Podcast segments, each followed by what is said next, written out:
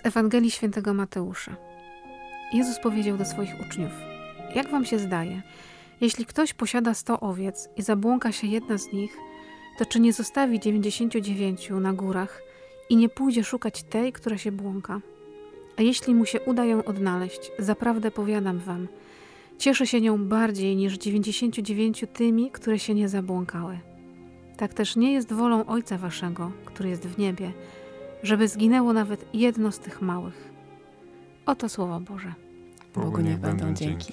Witamy Was dziś we wtorek drugiego tygodnia Adwentu, 11 grudnia. I dzisiaj kawkę popijamy w trójkę z Karoliną i Michałem i będziemy chyba sobie rozmawiać o owcach. Ja tam specjalistą za bardzo od zwierząt nie jestem, znaczy od owiec. Jesteś specjalistką od osiołków. My, my takie dwa osiołki jesteśmy. A, osiołki. Osiołki to Obawiałem ja się, że trzeci. skończę jako baran, ale osiołek mnie w pełni satysfakcjonuje.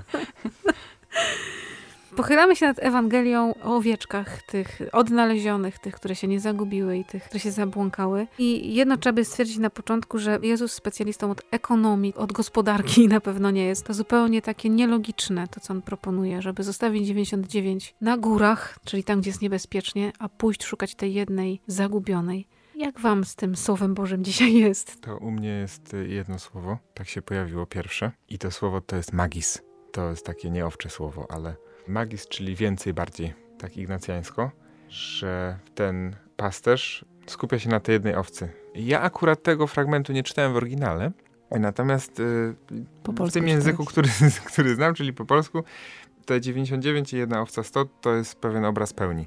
To 99, no to jest prawie wszystko.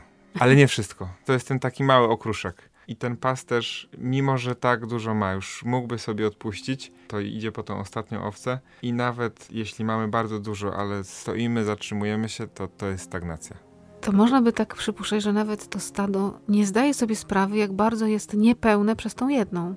Że ono nie może być do końca stadem w pełni, jeśli brakuje mu nawet jednej malutkiej owieczki. Albo Tak. barana. Albo barana, no, może to też być i ów baran, który się gdzieś tam zagubi. I tak sobie na szybko teraz myślę, tak jak ty mówisz, że patrząc na wspólnotę naszą w kościele, na kościół, na to, że my jesteśmy takim Bożym stadem, że jesteśmy takimi Bożymi owcami, to dopóki nas wszystkich razem Pan Bóg nie pozbiera, to my nie możemy w pełni być szczęśliwi. Też myślę, że ta proporcja poniekąd, będąc w tym stadzie, też sobie sami siebie możemy nie zdawać, że nam czegoś brakuje. Jakby, Nam się Ty- wydaje, że jest nas dużo. ty- że jest nas dużo i często, jak już będziemy przy tych owcach, to ta owca to może być czarna owca. I niekoniecznie mamy ochotę, żeby ona była w tym stadzie. I nawet jest nam lepiej bez. Pan Bóg ma często troszkę inną perspektywę. On widzi, że to jest potrzebne. Ja sobie tak myślałam o martyrii, że to jest takie moje stado owiec. E, I rzeczywiście, jak kogoś brakuje, albo ktoś no, zrezygnuje jakoś tak życiowo, to brakuje tej osoby rzeczywiście.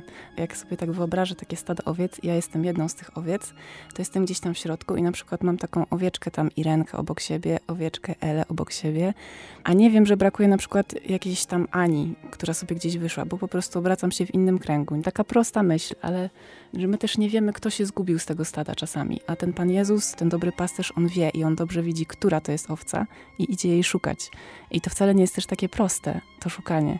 To tak mnie uderzyło chyba w tym fragmencie. I pamiętam, że rozmawiałaś chyba z Maciejem o łamaniu się rybkami y, i chlebem i że ten Pan Jezus, wtedy mówiliście, że on nie rozsadził tych ludzi, nie powiedział, to teraz przed każdym pojawi się chleb i ryba i proszę jedzcie, tylko łamał i musiał się wysilić, żeby coś zrobić. I tutaj też on musi się wysilić, żeby znaleźć te owce. I nawet tutaj w tej Ewangelii jest tak napisane, że jeśli mu się uda ją znaleźć, to znaczy, że to nie jest wcale takie proste, że ta owca się gdzieś tak błąka. O, i też ciekawe jest to na przykład, że on nie wyjmie sobie telefonu z GPS-em, nie wprowadzi owca Agnieszka, szukaj. nie? Że to też nie jest tak. 500 metrów do No. celu, prosto. Wiesz też, jak mówiłaś o tym, że jesteśmy sobie w tym stadzie i mamy swoje tam gdzieś zaprzyjaźnione owieczki, Irenkę, Basię, Kasię, kogoś. Jedna z moich też myśli, które jak sobie czytam tę Ewangelię wcześniej, była taka, że tylko Pan Jezus, tylko pasterz zna nas wszystkich dokładnie po imieniu. Że ja nie muszę w moim stadzie znać wszystkich, bo ufam, że mój pasterz zna, zna nas wszystkich doskonale. I jesteśmy stadem, ale nie jesteśmy dla niego anonimowi. I on doskonale wie, która się zagubiła. Nie jest na zasadzie, że codziennie liczy jak góral kopytka i dzieli przez cztery. Ty patrz, za mało. za mało, tylko on po prostu wie konkretnie, której nie ma. Że nie mówi, a jakaś sztuka mi się zgubiła, tylko wie, że nie ma właśnie tej. Czasem nie ma mnie, bo ja się zagubiłam. I on będzie szedł, mnie szukał i wołał po imieniu. Nie będzie szukał jakiejkolwiek owcy, tylko konkretnej. I to jest dla mnie takie pocieszające, że nawet jak czasem się czuję jak ostatnia owca w stadzie, jak czasem nawet y, sama nie wiem jak się nazywam i kim jestem, to on wie. I on wie, jak ja się poczuję gdzieś y, oddalona od standa, gdzieś się zagubię, zawieruszę, zapatrzę się na to, na co nie mam się zapatrzeć, to on wie i na pewno mnie znajdzie. Znaczy on zrobi wszystko, żeby mnie znaleźć. To jest też niesamowite, że on jest takim szalonym pasterzem, że on jest w stanie oddać swoje życie, żeby mnie znaleźć. To w ogóle przekracza wszelką logikę ludzką. Nam jest też trudno to tak zrozumieć, bo my nie szukamy. Teraz w tym świecie łatwiej jest coś wymienić, kupić nawet taniej jest niż y, naprawić na przykład. I tak jak sobie czytałam tę Ewangelię, wyobraziłam sobie, że ten Jezus mówi do tych swoich uczniów i mówi to w ten sposób. A jak wam się zdaje? Jeśli ktoś posiada 100 owiec i zabłąka się jedna z nich, to czy nie zostawi 99 na górach i nie pójdzie szukać tej, która się błąka? I sobie myślę, że ci apostołowie to mówią, no nie, no, a po co? Jakby nie, to jest takie ludzkie, no jedna owca, mam jeszcze 99. Nie rozdrabniajmy się. To jest tylko jedna owca. Szkoda czasu. No Jezu, czego tu nas wymagasz? A Jezus powiada sam sobie właściwie. No mhm. oczywiście, że pójdzie. Dla niego jest zupełnie inna perspektywa, inna logika patrzenia na, na życie. Nie jesteśmy jakąś daną matematyczną, jesteśmy po prostu częścią jego serca. Jakikolwiek brak nas, to rani jego serce do samej głębi. On nie może żyć bez nas. To jest, to jest niesamowite. Mhm. Beze mnie. Tak, jak sobie tak popatrzymy, że Bóg mnie też potrzebuje w tym stadzie. Nie dlatego, żeby być bardziej Bogiem, Albo żeby mieć więcej, bo, bo za stówę płacą więcej niż za 99 owiec. Tak chce dać mi swoją miłość, że jak nie może tego zrobić, to jakby część jego serca nie może żyć. Jak się tak popatrzy, to spotkanie z pasterzem i to jego szukanie nabiera zupełnie innego sensu. I wtedy można zrozumieć, że może być takim szalonym pasterzem, który zostawia wypasione 99 i mówi, trzymajcie się dziewczyny i chłopaki. Trzeba lecieć szukać tej Dylam. jednej. Ja też przez taki dość długi czas patrzyłem na to słowo trochę tak z perspektywy tego brata, syna marnotrawnego. Jest te 99, które jest, się słucha. Tak może się poczuć trochę nieważne, że tu jest to jedno gdzieś tam, które się zagubiło, sobie poszło. Może nieświadomie, a może całkiem świadomie. I ten Jezus, pasterz, opuszcza to stado. My tu sobie grzecznie skupiamy trawkę, a tamto to się szlaja i do tamtego idzie ten pasterz. Teraz tak myślę, że akcent jest położony gdzie indziej. Chodzi właśnie o uzupełnienie tej całości, a nie o to, że to jest nieważne. Też ta część, która powiedzmy się słucha, żyje z tym pasterzem, to ona w ten sposób nie jest jakoś pokrzywdzona i będzie lepiej, radośnie, jak ta setna owca się znajdzie. Też tak myślałem o tym, jak Pan Jezus y, chodził do tych, którzy się źle mają do celników, do ladacznic i do każdego, kto tego potrzebował. I to też w żaden sposób nie umniejszało tym, którzy żyli z Bogiem Izraela, którzy wypełniali słowo.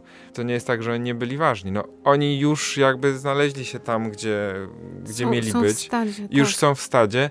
A to reszta potrzebuje tej pomocy. To dla mnie była taka. Tak, bo nowość. właśnie, no tak jak mówisz, można pójść w taką zazdrość. Dlaczego mnie, Panie Boże, opuszczasz, skoro ja Ci tak służę, a idziesz szukać tej, co się tam gdzieś zapuściła w nie te rejony, co trzeba, ale z drugiej strony jest to też tak, że jeżeli odpuszczę sobie tą zazdrość, przeniosę akcent gdzie indziej i zobaczę miłość pasterza, to mam też taką pewność, że kiedy mi się to przydarzy, to on też pójdzie mnie szukać, że nie powie, a dobra, tam mała się zgubiłaś, to niewielka strata. Tylko też te 99 innych zostawi i powie, idę szukać tej małej jednej. Jak się patrzy na Jezusa jak na dobrego pasterza, który mnie kocha, to nabiera sensu. Też jest chyba ważne, jakbyśmy się tak zagubili, to po prostu trzeba beczeć, no. Tak, i paść się póki można. To życzymy Wam dzisiaj dobrego dnia. Dziękujemy. Dobrego adwentowego dnia yy, Wam życzymy z całego serca, żeby nam się dzisiaj serducho otworzyło na tą prawdę, że mamy dobrego pasterza, który nas znajdzie nawet na końcu świata. Bez GPS-u. Bez GPS-u. On ma takie serce, że dokładnie wie. Będzie się cieszył bardzo. Cóż, no z Bogiem. Trzeba ruszyć do swoich zajęć, na swoje pastwiska. Nie, możemy jeszcze zostać.